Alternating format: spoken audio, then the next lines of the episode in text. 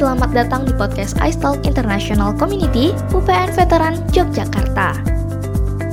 Hai guys, ketemu lagi dengan aku, Stefani, host podcast iStalk International Community UPN Veteran Yogyakarta.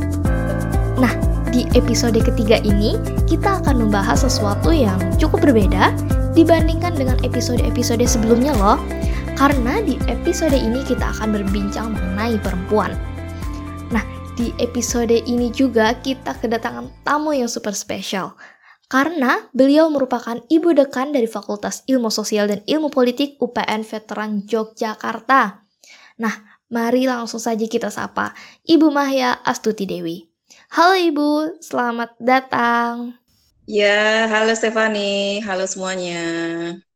Sehat semua ya. kan? Alhamdulillah sehat Bu. Kalau Ibu sehat? Alhamdulillah sehat walafiat nih hari ini uh, webinar, tadi wawancara, sekarang wawancara lagi. Sangat sibuk Bu ya. Alhamdulillah masih bisa melaksanakan banyak aktivitas ya. Ya, alhamdulillah.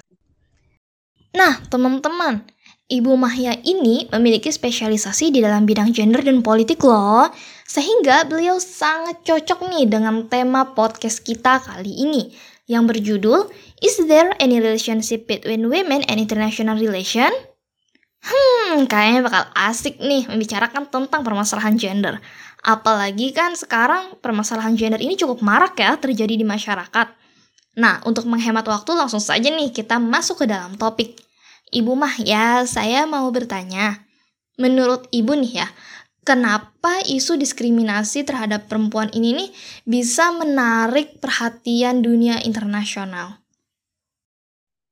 Iya, karena begini ya, kalau uh, kita melihat dari kacamata hak asasi manusia, laki-laki dan perempuan tuh kan punya hak yang sama ya, sebagai manusia kan sama-sama ya. manusia kan, laki perempuan. Allah atau Tuhan menciptakan laki-laki dan perempuan. Nah, artinya uh, ini dua makhluk yang punya hak yang sama. Tetapi kemudian kita melihat fenomena di masyarakat nggak cuma di Indonesia ya, tapi juga di berbagai negara, bahkan juga negara maju di Eropa, di Amerika. Ternyata belum semua perempuan punya hak yang sama. Jadi itulah yang menjadi perhatian baik nasional maupun internasional bahwa yang namanya kesetaraan gender itu memang menjadi sebuah perhatian gitu ya, menjadi isu yang harus menjadi perhatian uh, dari berbagai kalangan nggak hanya akademisi ya, kita kan akademisi, tetapi di luar akademisi jangan lupa para pemimpin negara saja menaruh concern yang luar biasa loh terhadap isu ini. Bahkan juga PBB sebagai organisasi internasional juga punya perhatian yang luar biasa terhadap isu ini. Ya saking saking luar biasanya masalah diskriminasi gender ini, mungkin pernah mendengar ya, ada konvensi internasional yang kita biasa sebut sebagai CEDAW Convention on the Elimination of All Forms of Discrimination Against Women. Ya, mungkin kalian pernah dengar itu. Meskipun mungkin belum lahir ya, karena ini konvensi tahun 1979. Saya aja masih SD saat itu, kalian pasti belum lahir. Uh, dunia hmm. sudah menaruh perhatian gitu ya. Tahun itu dunia sudah menaruh perhatian. Jadi uh, memang ini bukan sesuatu yang lalu kita bisa menganggap nggak penting, nggak bisa dunia internasional saja sudah memandang ini sesuatu yang penting untuk menjadi perhatian. Karena kalian sebagai warga HI kan tahu ya, kalau konvensi sudah di launching gitu ya, sebuah konvensi sudah dikeluarkan, ini kan lalu tinggal menunggu asesi ya, tinggal menunggu negara-negara untuk meratifikasi. Dan sudah banyak negara yang meratifikasi, termasuk Indonesia. Meskipun agak lama juga ya tahun 79 kita baru ratifikasi itu tahun 84 ya tahun 84 ya. Artinya kita butuh waktu berapa lima tahun ya kita butuh waktu iya. lima yeah. tahun untuk meratifikasi oh lima tahun itu nggak lama ya bagi sebuah negara meratifikasi lima tahun itu masa yang nggak lama sih sebenarnya uh, nah artinya kan kita champion juga di situ kan jadi ini menjadi perhatian utama gitu yang perlu untuk kita perhatikan. Iya. Gitu Stefani. Mm -mm. Nah kalau sekarang nih kan cukup famous ya tentang girl support girl gitu. Lalu juga di media sosial sudah cukup banyak nih Bu orang-orang yang mulai menyuarakan atau gimana ya, mengampanyekan tentang isu gender perempuan ini Bu. Kalau nggak salah ini disebut dengan feminisme ya Bu ya? Ya, tapi jangan salah ya, feminisme itu artinya bukan lalu kita konotasikan dia pasti perempuan loh, karena feminis laki-laki juga banyak ya. Jadi artinya gini, eh, orang yang punya kepedulian dan berjuang untuk hak perempuan itu memang biasa disebut feminis. Nah di sini kan sebenarnya nggak cuma perempuan karena yang berjuang untuk kepentingan perempuan, yang berjuang untuk hak perempuan sebenarnya nggak cuma perempuan, tapi juga banyak laki-laki loh yang uh, terlibat di situ. Jadi uh, feminis itu sebenarnya nggak hanya perempuan tapi juga bisa laki-laki ya dan uh, sebenarnya nggak cuma perempuan support perempuan ya Stefani dan juga eh, kakak-kakak yang lain nih saya sebut kakak ya. Karena kalau kita lihat ya uh, fenomena yang sekarang mulai muncul itu apalagi dalam konteks internasional uh, ada mandat gitu ya dari uh, apa ini PBB gitu dari UN Women lembaga di bawah PBB ya yang concern ke soal uh, hak-hak perempuan. Sekarang ini justru yang dikampanyekan bukan women support women ya, bukan girl support girl, tetapi men support women. Jadi bagaimana laki-laki itu justru mendorong kesetaraan gender. Nah, ini sebenarnya ada satu istilah yang kita biasa kenal, uh, ini kampanye he for she. Mungkin kalian pernah dengar ya, he oh, iya, for she. Yeah. Nah, itu kan pernah kan ingat akhirnya sekarang ya. Jadi He for She itu kan uh, sebuah program ya dari UN Women yang intinya adalah bahwasannya perjuangan untuk hak perempuan itu tidak cukup ya, tidak cukup dilakukan oleh sesama perempuan. Karena justru support itu juga harus datang dari laki-laki. Jadi sekarang mulai dikampanyekan kampanye mengenai he for she, bagaimana laki-laki itu mendukung kesetaraan gender. Nah, Indonesia Pak Jokowi menjadi salah satu uh, presiden dari banyak sekali presiden di dunia gitu yang terpilih itu nggak banyak loh. Salah satunya Pak Presiden kita Pak Jokowi terpilih menjadi aktor yang diharapkan mengkampanyekan itu, mengkampanyekan he for she di Indonesia. Jadi ya kita sebagai uh, masyarakat Indonesia harusnya bangga gitu ya karena negara kita punya concern ke situ gitu.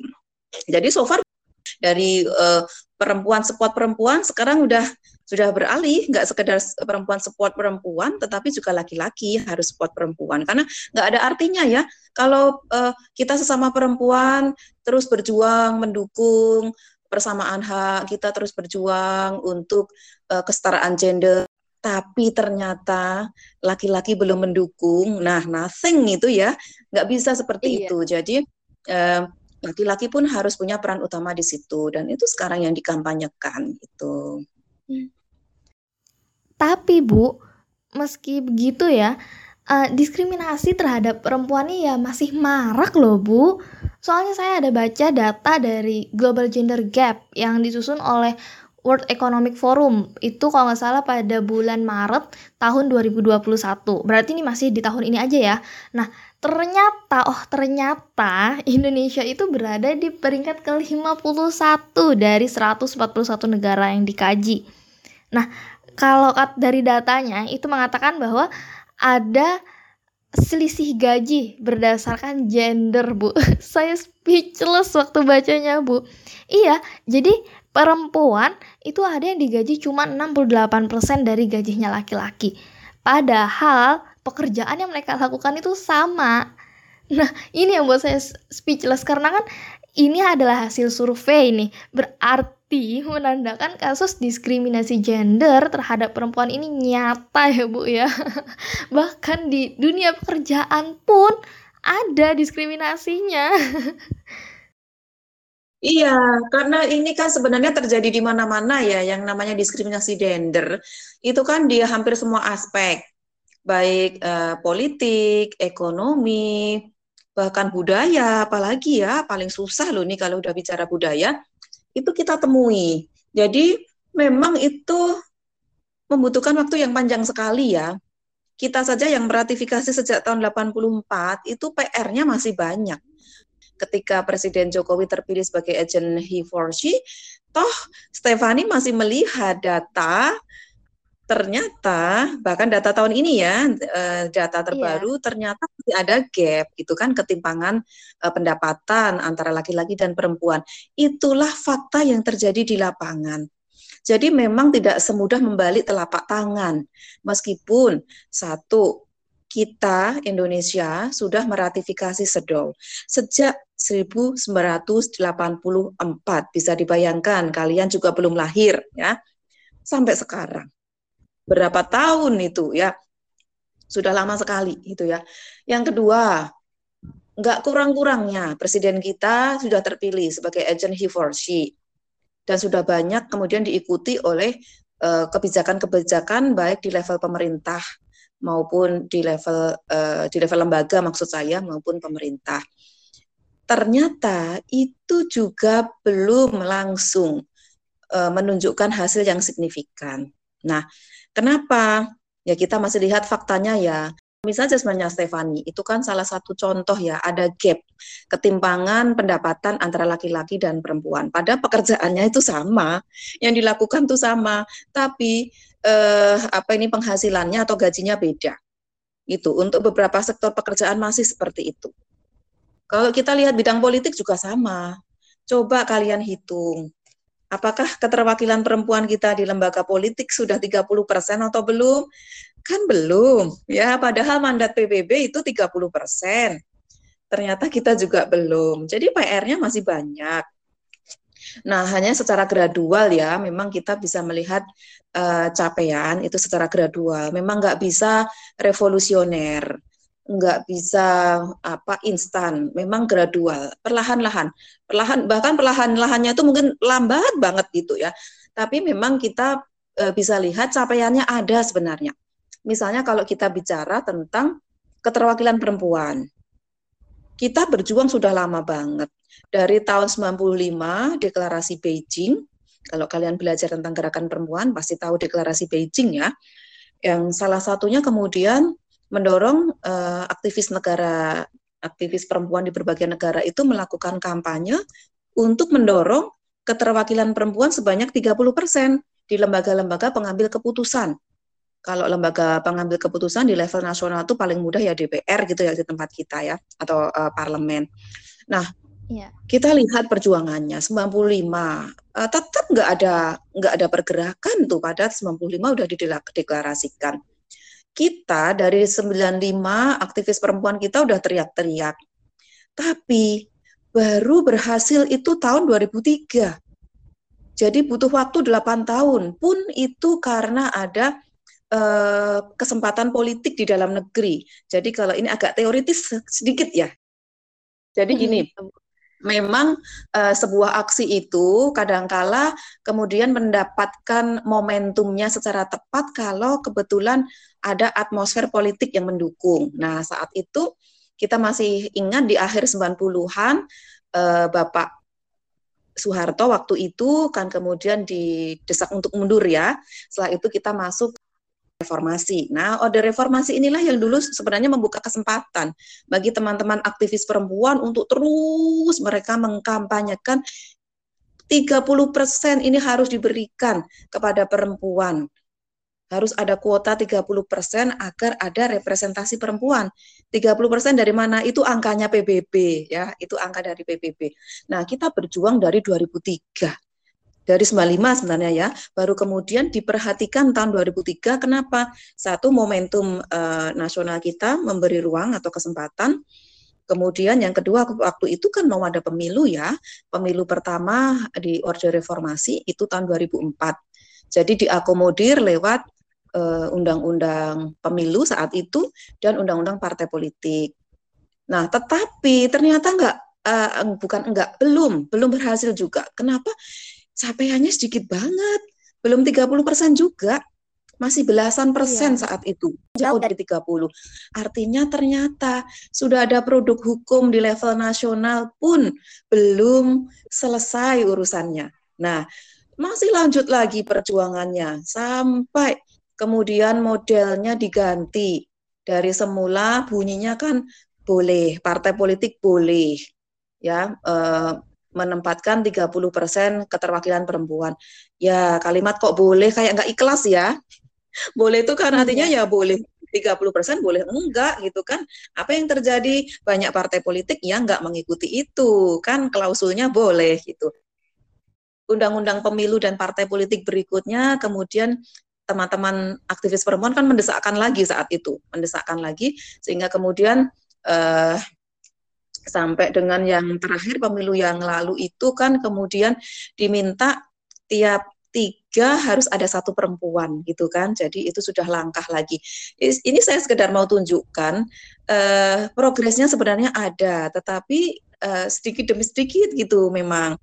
Sampai kemudian uh, yang terakhir itu apa ya? Undang-undang pemilu yang nomor 10 itu ya tahun 2008 kemudian juga undang-undang partai politik yang tahun 2011 itu jadi uh, diminta bahwasanya partai politik itu ada 30% di daftar anggota legislatifnya itu gitu. Jadi ini kan ada dorongan lagi gitu biar lebih kuat. Nah, kita masih akan lihat lagi nanti ya di pemilu 2024 apakah kondisinya semakin membaik atau enggak gitu.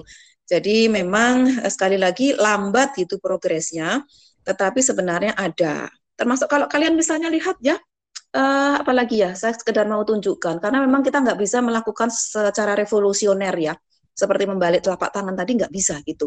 Kalau yang dalam uh, pendapatan tadi sudah sudah jelas memang itu gitu ya. Meskipun di banyak perusahaan sekarang penghasilan perempuan itu sudah disamakan dengan laki-laki untuk pekerjaan yang sama.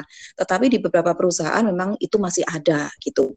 Uh, yang menurut saya sebuah langkah yang bagus lagi itu ini yang saya amati. Ah, kalau kalian memperhatikan mengenai gender dan uh, apa ini ya keamanan, karena kebetulan penelitian saya juga banyak tentang gender dan keamanan ya, uh, gender and security itu kita punya langkah bagus loh. Karena dulu uh, kalau perempuan mau jadi tentara itu kan dulu nggak boleh ya untuk yang apa ini yang pegang senjata itu kan dulu nggak boleh. Bolehnya kan di kantor aja gitu. Tapi sekarang udah boleh.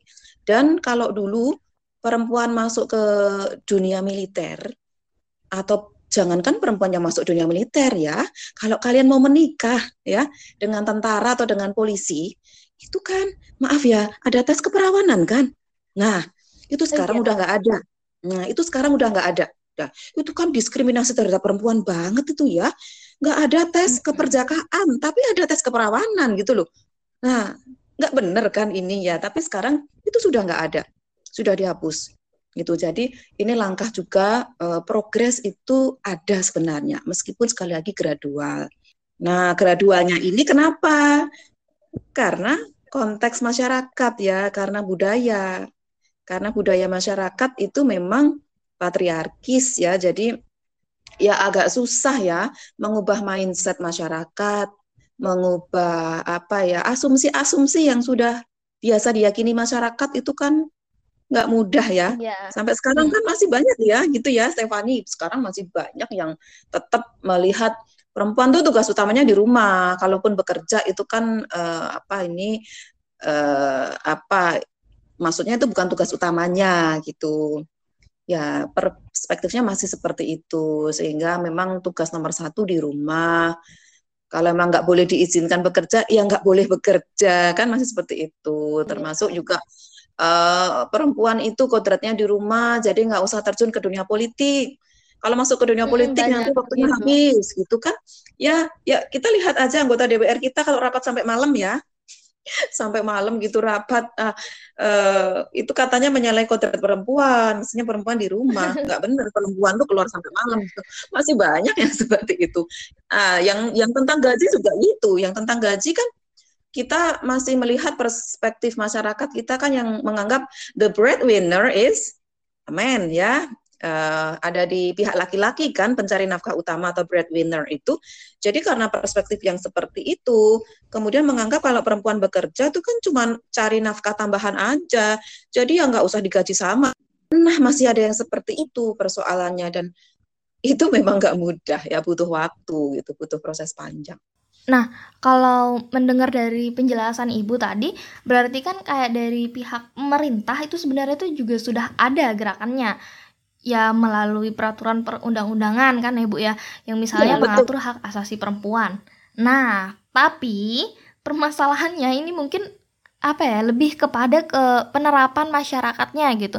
Bagaimana kita mengubah mindset, mengubah cara berpikir masyarakat karena kan ya kalau kita lihat nih sebenarnya yang memiliki peran penting di sini tuh sebenarnya masyarakat. Iya betul. Oh, menjalankannya ya, itu masyarakat. Iya iya justru itulah kendala utamanya betul Stefani. Uh, produk hukum nggak kurang-kurangnya pemerintah sudah mengeluarkan undang-undang, peraturan iya. pemerintah. Iya. Terakhir kemarin kita di dunia akademik ada permen ya, peraturan menteri tentang pencegahan kekerasan oh, iya. seksual di kampus. Nah, ya kita sudah punya banyak produk hukum, kita sudah punya banyak kebijakan gitu ya, yang mestinya bisa menjamin uh, gender equality itu bisa menjamin kesetaraan gender, bisa menjamin hak perempuan, bisa melindungi perempuan. Tapi memang benar yang dikatakan Stefani tadi, problem kita itu adalah pada penerapan. Kenapa? Iya. Karena uh, banyak kalangan masyarakat kita yang tetap masih menganggap ah, nggak usah begitulah gitu. Terlanjur karena dengan mm -mm. pemikirannya yang yang bisa dibilang kuno lah begitu bu.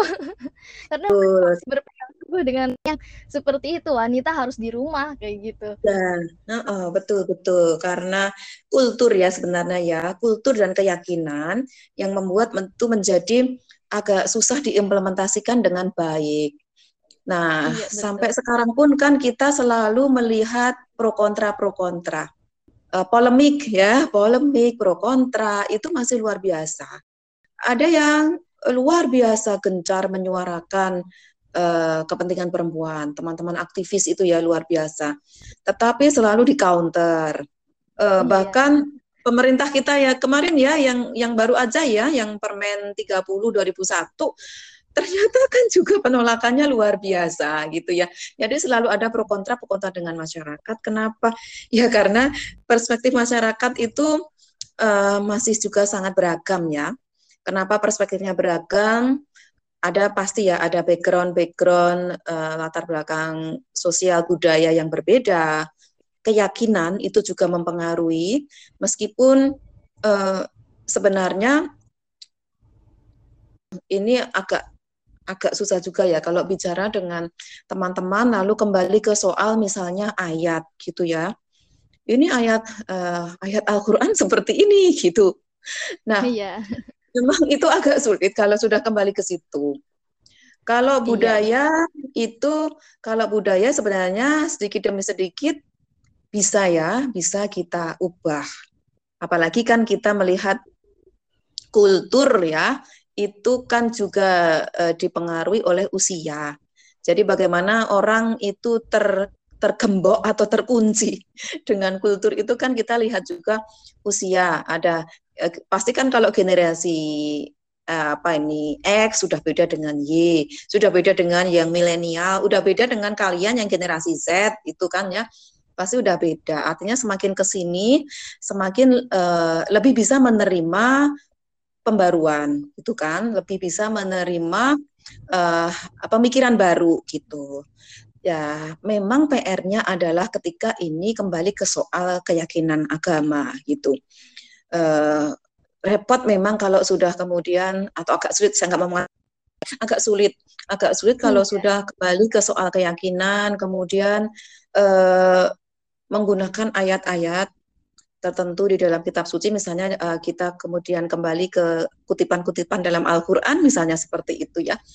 Itu memang menjadi lebih sulit karena kalau sudah soal keyakinan agama itu nggak peduli usia ya nggak peduli usia jadi nggak ada variabel usia di situ gitu kalau memang sudah yakin ya dia akan yakin nggak peduli dia generasi apa gitu ya jadi iya, saya betul. kok melihat uh, mungkin kebutuhannya adalah komunikasi yang intensif gitu ya saya ikuti itu perdebatan itu saya ikuti perdebatan karena kemudian ini kan soal apakah tafsir dalam uh, kitab suci itu mau diwarnai secara tekstual ataukah mau diwarnai secara kontekstual. Nah, kalau diwar, di, dipahami secara tekstual, ya bunyi teksnya seperti itu, gitu ya. Iya. Tetapi kemudian, tetapi kemudian kan se, sebenarnya bisa dilihat dalam konteks apa sih ayat itu muncul, gitu. Karena kalau kemudian kita paham konteksnya, uh, ini memang dalam banget ya ahli tafsir itu saya pun nggak belajar sampai di situ ke sebuah ayat dalam Al-Quran misalnya kan nggak muncul tiba-tiba tuh ada konteksnya kan nah kalau belajar dari konteksnya kenapa sebuah ayat itu kan lalu bisa berpikir menjadi lebih luas nah eh, ini kan lalu saya tuh sebenarnya mau bicara begini pemimpin perempuan itu uh, debatable kan sampai sekarang ada yang mengatakan perempuan nggak boleh jadi pemimpin karena mengutip surat Anisa ya memang laki-laki adalah pemimpin bagi perempuan, bunyinya gitu kan. Tetapi bagi yeah. bagi ulama yang lain yang mengatakan boleh Kenapa perempuan nggak boleh jadi pemimpin atau kenapa bunyinya laki-laki pemimpin? Nah, itu kan konteksnya waktu itu memang perempuan itu kan ya maaf bodoh kan perempuan saat itu memang nggak pinter, belum pinter, belum berpendidikan. Nah, ketika sekarang konteksnya udah berubah, perempuan sudah berpendidikan kan punya kesempatan yang sama seperti itu. Ada juga yang menafsirkan, ya itu kan konteksnya kan kalau kita sholat, imamnya harus laki-laki. Nah, sehingga iya. menurut saya yang diperlukan adalah uh, diskusi yang intensif gitu ya, dialog diskusi yang intensif, sehingga kemudian sama sama-sama menjadi punya uh, pemahaman yang lebih luas, uh, keterbukaan seperti itu. Uh, kalaupun sebenarnya kita kembali ke zaman dulu ya, kalau kita kembali perempuan nggak boleh jadi pemimpin, lah Ratu Bilqis itu perempuan loh. Jadi ratu. Iya, iya kan? jadi kembali ke situ. Ratu Bilqis itu perempuan gitu. Jadi ratu saat itu gitu. Artinya kan sebenarnya kita nggak bisa juga lalu uh, narrowing atau dipersempit ya. Nah, ya tapi itu memang butuh waktu panjang gitu ya Stefani dan juga uh, audiens yang lain gitu uh, butuh waktu panjang. Jadi saya melihat dua kendala tadi ya, yang pertama soal budaya, yang kedua itu keyakinan gitu. Ya kalau budaya saya lihat mungkin bisa lebih mudah gitu ya untuk di uh, apa adaptasikan gitu atau dinegosiasikan. Tetapi kalau keyakinan itu memang prosesnya harus lebih panjang. Ya, itu ya yang kemudian menyebabkan implementasi jadi sulit itu di lapangan. Iya, ini Bu, gitu. kalau kita pikir-pikir sebenarnya kalau misalnya nih kita masyarakat nih kan kita uh, memperjuangkan hak-hak kita bersama-sama gitu. Jadi kita bersatu karena adanya framing diskriminasi dengan uh, kita berharap agar gerakan tersebut bisa menjadi apa ya sesuatu yang dapat menciptakan kehidupan yang lebih nyaman bagi perempuan di masa mendatang. Nah, kalau menurut Ibu nih, bentuk gerakan yang bagaimana ya yang kiranya tuh cukup efektif kita lakukan, Bu? Ya, tentu dengan uh, porsi masing-masing ya, sesuai dengan peran masing-masing. Jadi kita bergerak sesuai dengan porsi masing-masing. Kalian yang mahasiswa itu bisa mengkondisikan uh, kesetaraan gender mulai dari biasakan bahwa uh, frame frame berpikir kalian memang sudah frame kesetaraan gender. Kalau saya lihat sudah ya kalau saya lihat mahasiswa di kampus itu kesetaraan gendernya sudah terasa banget. Apalagi di FISIP. Karena jumlah jumlah mahasiswi dan mahasiswa kan eh, equal ya, hampir sama lah gitu dan kesempatannya juga sama. Jadi tinggal kalian teruskan itu. Karena saya akademisi ya saya bicara dalam berbagai kesempatan, saya menulis, saya meneliti. Intinya agar kemudian lebih banyak orang menjadi paham gitu.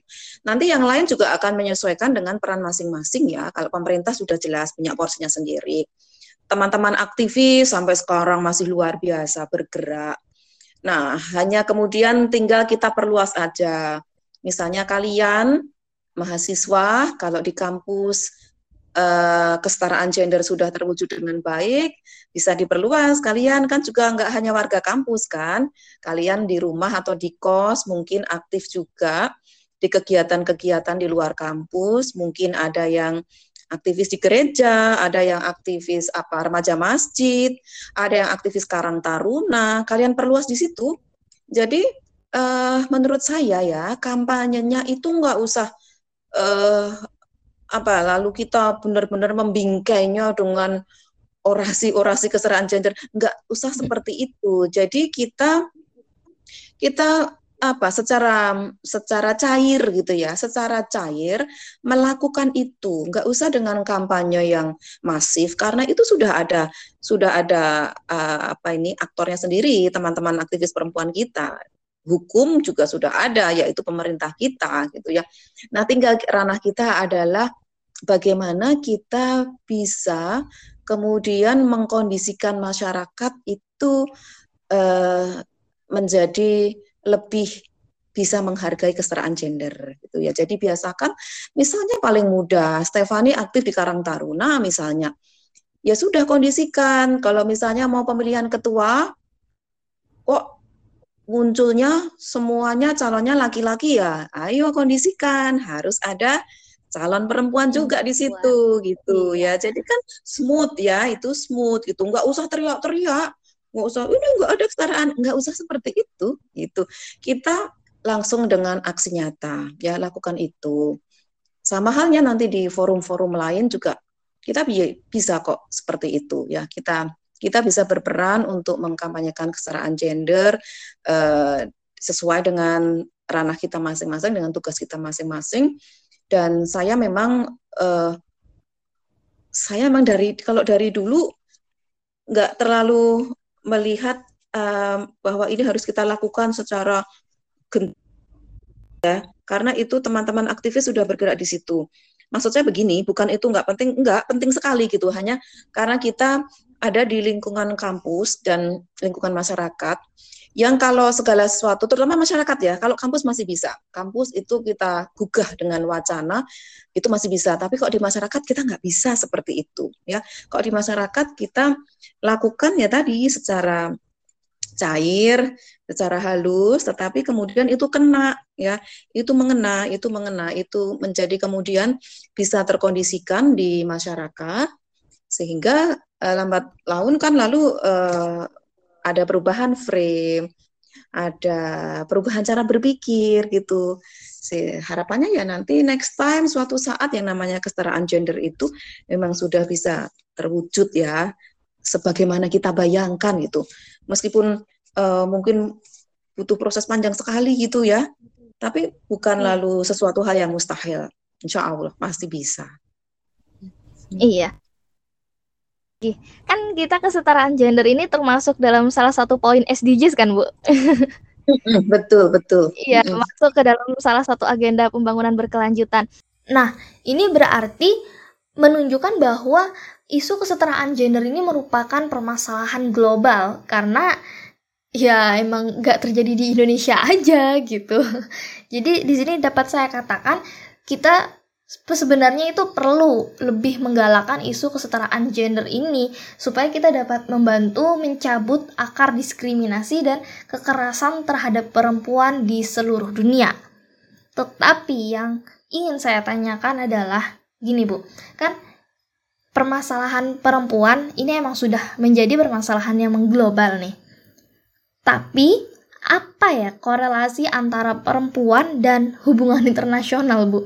Karena kan ya sesuai dengan topik kita kali ini gitu yang menanyakan is there any relationship between women and international relation? Jadi kenapa gitu perempuan ini juga dibahas di dalam ilmu hubungan internasional? Ya oke okay. ini menarik ya pertanyaannya ini. Kalau tentang SDGs memang gender equality itu salah satu ya uh, yang menjadi concern internasional terkait uh, Sustainable Development Goals. Artinya ini adalah masalah dunia, masalah semua negara di dunia. Karena gender equality itu memang masih menjadi masalah di banyak negara. Kita aja yang sudah nggak kurang-kurangnya punya banyak produk ya terkait penghapusan uh, diskriminasi terhadap perempuan. Uh, kita juga punya pemerintah yang punya perhatian terhadap perempuan, ternyata kan masih terjadi gender inequality itu kan masih terjadi. Jadi ya e, memang benar PBB melihat ini adalah hal yang masih penting untuk dikampanyekan di berbagai negara.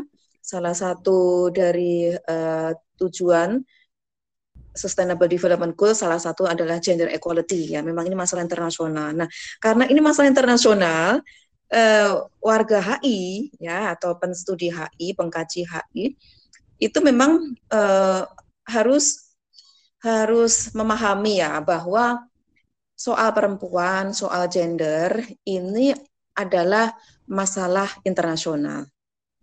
Kok begitu?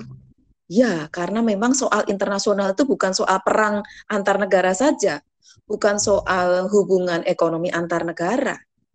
Justru soal-soal yang dulu orang tidak pernah melihat ini sebagai sebuah masalah internasional, punya dimensi internasional yang luar biasa. Memang kalau kita kaitkan antara perempuan dan hubungan internasional, ada korelasi yang uh, sangat erat ya. Kembali tadi ke soal SDGs, yang pertama ini memang sudah menjadi perhatian utama uh, dari Badan Dunia ya, dari PBB dan tentu ini perhatian utama dari berbagai negara di dunia ya. Kenapa kok masih ada di SDGs? Ya memang karena gender equality itu belum tercapai di banyak negara sehingga memang perlu um, masih mendapat perhatian.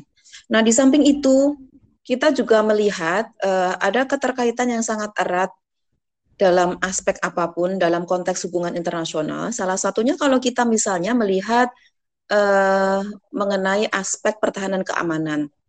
Nah, dulu memang orang melihat aspek Hankam itu kan hanya dari sisi misalnya kekuatan persenjataan eh, masing-masing uh, negara. Lalu bagaimana konflik internasional terjadi? Orang biasanya melihat itu. Tapi ada pertanyaan penting kan? Ketika misalnya terjadi konflik, siapa sih yang menanggung derita akibat konflik? Nah, kalau kalian ingat misalnya ya, konflik Israel Palestina yang tragedi terakhir aja, korbannya adalah perempuan dan anak-anak. Yang paling menderita adalah perempuan dan anak-anak. Nah, artinya ini kan masalah yang harus mendapatkan perhatian dari dunia internasional. Jadi di sinilah kita menjadi penting untuk terus melihat uh, pada aspek yang dimensinya itu berbeda. Kalau kita bicara tentang konflik, yang dilihat jangan hanya kekuatan persenjataan masing-masing pihak yang terlibat konflik, Jangan hanya melihat negara A, negara B seperti apa kekuatan pertahanan keamanannya nggak cukup.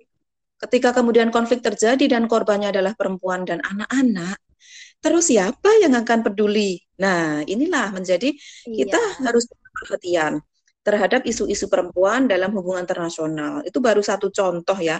Karena di konflik mana pun nggak hanya Israel Palestina ya. Kemarin kalian lihat yang terakhir misalnya ketika uh, Afghanistan dikuasai Taliban, siapa yang kemudian ramai menyuarakan uh, aksi itu? Kelompok perempuan kan, aktivis perempuan, ramai-ramai mereka yeah. demo untuk hak sebagai perempuan. Itu dan jawaban Taliban haknya perempuan tugasnya adalah di rumah gitu kan memang. Taliban musuhnya aktivis perempuan ya. Artinya kita lihat dalam kondisi apa pun um, ini tadi kita sedang bicara konflik itu perempuan berada pada posisi yang memang masih tersudut gitu ya. Sehingga memang harus ada perhatian di situ. Harus ada kajian-kajian, harus ada yang menyuarakan, harus ada yang membela mereka. Itu. Karena dampak utama itu memang perempuan yang merasakan dan anak-anak ya. Apalagi itu aja bicara konflik ya. Kalau sudah konflik selesai pun perempuan kan jarang dilibatkan ya dalam uh, proses peacemaking itu kan. Yang bicara itu kebanyakan dari sisi diplomatik, diplomatnya banyak laki-laki. Nanti wakil dari pihak yang berkonflik biasanya wakilnya juga laki-laki. Jadi iya. para juru, juru rundingnya semuanya laki-laki gitu. Sehingga kemudian kepentingan perempuan nggak nggak didengarkan. Padahal kalau kalian uh, pelajari ya tahapan resolusi konflik itu kan ada peacekeeping, ada peacemaking, ada peace building. Nah, karena proses peace makingnya itu jarang melibatkan perempuan, sehingga kadangkala ketika tahapan peace building itu juga kepentingan perempuan kadang terlupakan. Perempuan itu butuh misalnya butuh uh, apa nih akses air bersih, uh, ternyata itu belum dipikirkan. Perempuan butuh rumah sakit, untuk misalnya agar uh, kebutuhan mereka misalnya melahirkan, memeriksakan anak yang sakit, terakomodir, kadang-kadang terbengkalai. Perempuan butuh rasa aman. Kadang-kadang belum ada yang peduli, dikiranya kalau sudah nggak ada konflik bersenjata, selesai urusannya. Padahal enggak. Masih ada urusan panjang ya, misalnya konflik bersenjata selesai, ternyata masih banyak perempuan yang mengalami kekerasan domestik. Nah, ini siapa yang peduli? Nah, iya. Mm -mm. Itu kan uh, memang uh, tidak cukup kalau kemudian hanya dipikirkan oleh kalangan-kalangan tertentu di level domestik. Ini harus dipikirkan dalam skala global. Dan memang eh, SDG sudah mengakomodir itu. Hanya kemudian kita perlu perkuat ya misalnya dalam aspek uh, perempuan dan keamanan gender dan keamanan. Perlu terus di kampanyekan tentang arti penting melibatkan perempuan. Nah ini soal soal penting krusial dalam HI gitu ya. Uh, baru dari satu dimensi mengenai perempuan dan keamanan. Kemudian kalau kita bicara dalam dimensi satunya lagi misalnya melihat keterlibatan perempuan dalam dunia diplomasi. Semakin ke sini sih kalau di Indonesia semakin bagus keterlibatannya ya, karena semakin banyak diplomat perempuan uh, di Kementerian Luar Negeri Republik Indonesia. Tetapi di di mana di di negara lain apakah seperti itu? Belum tentu dunia diplomasi masih didominasi oleh laki-laki. Sehingga hmm. kadang-kala ketika melakukan perundingan ya frame-nya frame laki-laki. Itu yang terjadi sehingga memang perlu ya masih perlu mendapat perhatian dalam konteks hubungan internasional dalam konteks kajian HI kajian-kajian tentang isu diplomasi, isu globalisasi, isu security ya apa ini pembangunan ekonomi itu masih banyak memerlukan perhatian uh, tentang pentingnya ya melihat dari perspektif perempuan atau perspektif gender ya. Kalau gender kan sebenarnya laki dan perempuan, tapi equal yeah. gitu. Ya, ya kurang lebihnya seperti itu. Kita tinggal melihatnya dengan dengan kacamata yang jangan pakai realisme gitu ya. Kalau kalian sudah belajar HI, kalau kalian pakai kacamatanya realisme nggak ketemu perempuan nanti karena perempuannya disembunyikan, nggak kelihatan. Ya. Jadi kita kita memotretnya, memotret uh, fenomena HI-nya dari um, teori posmo misalnya, teori kritis, dari konstruktif, uh, konstruktivisme, dari teori-teori feminis. Nah, nanti akan kelihatan itu bagaimana uh, perempuan itu bisa dipotret gitu ya dari kajian-kajian HI. Gitu ya, Stefani. Baik, terima kasih Bu. Nah ini yang terakhir Bu. Ibu, adakah pesan untuk para pendengar podcast ini mengenai isu diskriminasi terhadap perempuan? Iya, pesan saya satu, hanya satu aja, yaitu kita bergerak bersama. Maksudnya adalah mulai sekarang kita eh, berpikir ulang gitu ya. Kalau yang sudah saya appreciate, Artinya yang sudah uh, frame-nya adalah frame kesetaraan gender, saya memberikan apresiasi yang luar biasa. Tetapi bagi yang belum, mari kita cerna lagi. Ya, ini bukan sesuatu yang bertentangan dengan uh, hukum agama, gitu ya. Saya memang tidak pandai agama, ya, tetapi uh, sudah banyak sekali diskusi, gitu ya, tokoh-tokoh uh, agama, sehingga memang uh, kita kembali dari diri kita sendiri, kalau kita ingin mewujudkan kesetaraan gender, kita mulai dari diri kita sendiri.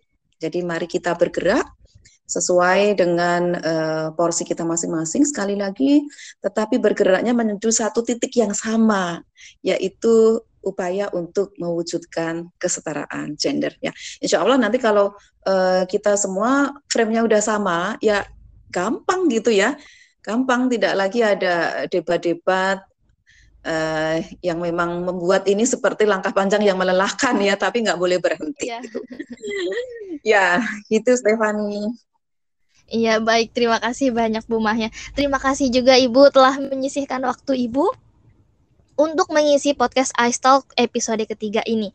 Semoga podcast ini dapat dinikmati dan dapat juga membuka wawasan para pendengar. Pesan saya selaku host dalam podcast ini adalah kita perempuan juga memiliki hak dan peran yang sangat berarti dalam pembangunan. Oleh sebab itu, marilah kita terus menyuarakan dan mengampanyekan terkait permasalahan diskriminasi yang kerap kita rasakan sebagai perempuan. Oh iya, anti diskriminasi yang kita bahas di dalam podcast ini tidak bertujuan untuk merendahkan laki-laki ya. Karena sebenarnya gerakan anti diskriminasi wanita ini dikhususkan untuk memperjuangkan hak-hak wanita ketika mendapatkan diskriminasi, bukan untuk mendiskreditkan suatu gender lainnya.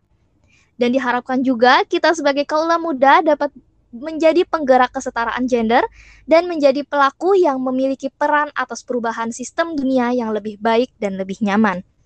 Nah, untuk mengakhiri episode ini, dengan hormat saya mengajak Ibu Mahya untuk mengucapkan tagline Ice Talk International Community bersama-sama.